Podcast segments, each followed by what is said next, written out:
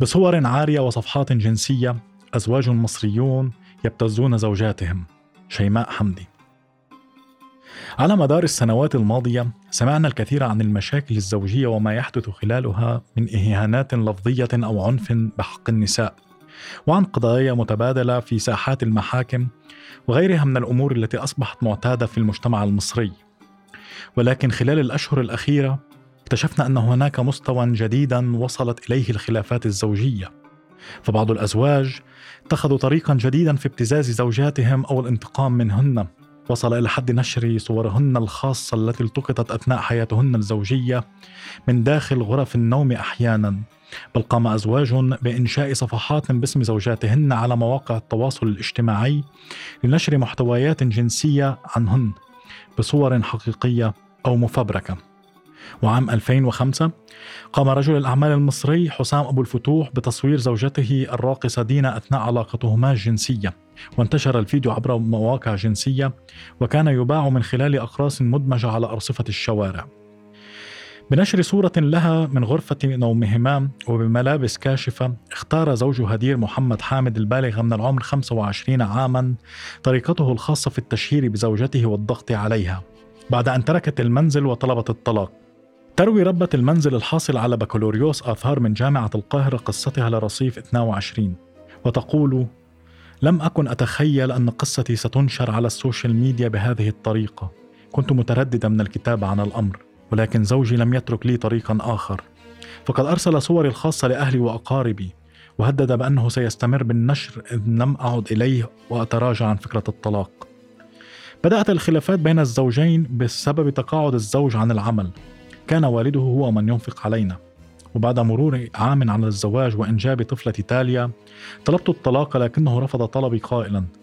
ما عندناش طلاق. فقررت الانفصال وعدت إلى بيت أسرتي. وحاول أكثر من مرة الصلح معي لكني رفضت وكنت مصر على الطلاق فقد سئمت من حياتي معه. وتضيف هدير راح ينشر بين الناس والأقارب أني أطالبه بالعودة وهو من يرفض على عكس الحقيقة. ولذلك اضطررت إلى نشر المحادثات التي كان يرجوني فيها بالعودة والأغاني التي كان يرسلها لي على صفحتي على الفيسبوك للتأكيد على موقفي من طلب الطلاق. وبعدها بدأ في إرسال صور الخاصة التي التقطها لي أثناء زواجنا لأهلي ومعارفي. ولذلك تقدمت ببلاغ رسمي في مباحث الإنترنت تحت رقم 51 أحوال بالعباسية. تعرضت لضغوطات عديدة تؤكد الشابة.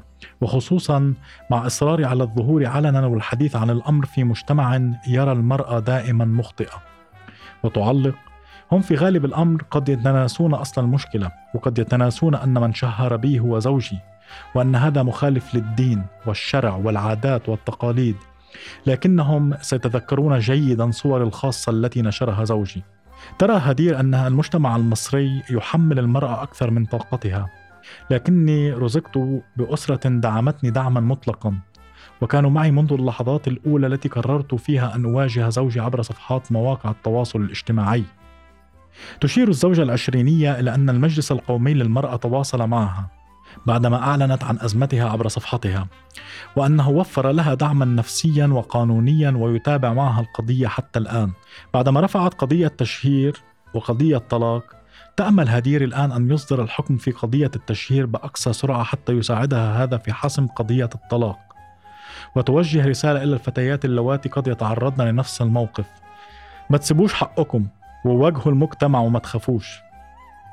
28 يوما فقط هي مجمل أيام الحياة الزوجية التي عاشتها نانسي محمد مصيلحي قبل أن تبدأ رحلة طلب الطلاق. تلك الأيام مرت عليها بشكل كارثي بسبب ما تعرضت له من ضرب مبرح وإهانات لفظية. اعتداءات غالبا ما لم تكن تتوقف إلا بعد تدخل الجيران. تروي الفتاة الثلاثينية قصتها لرصيف 22 وتقول تزوجت 28 يوما فقط العام الماضي.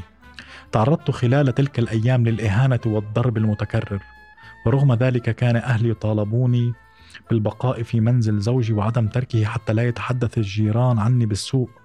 وخصوصا أن زواجي لم يمر عليه وقت طويل. كان الضرب والإهانة أسلوب حياته. يضربني على كل شيء. وأي شيء. وخصوصا بعدما رفضت بعض الأمور الجنسية التي أظن أنها محرمة وفقا لتعاليم الدين الإسلامي. وانتهى الأمر بأنه في يوم من الأيام اتصل بوالدي وقال له تعال خذ بنتك مش عايزها. حضر الوالد وعادت نانسي معه إلى منزل الأسرة. وبدأت مسيرتها لطلب الطلاق لكن الزوج رفض. رفعت قضيتين الأولى طلاق والثانية أطالب فيها بمستحقات المالية. وصدر حكم بتطليقي وحكم بالحبس لتبديد القائمة. وانتهى الأمر بجلسة عرفية حضرها رجال العائلتين وآخرين واستلمت نص القائمة. وكنت أظن أن الأمر انتهى وأن صفحة من حياتي طويت ولكن القصة لم تنتهي. ولكن القصة لم تنتهي.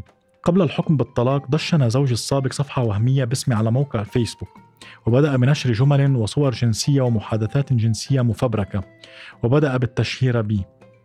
واستمر الأمر بعد الطلاق بل وازداد وتضيف الفتاة الثلاثينية حاولت تقديم عدة بلاغات في مباحث الإنترنت لكنها جميعا كانت تحفظ دون أسباب واضحة وخلال الشهور القليلة الماضية ازداد الأمر سوءا.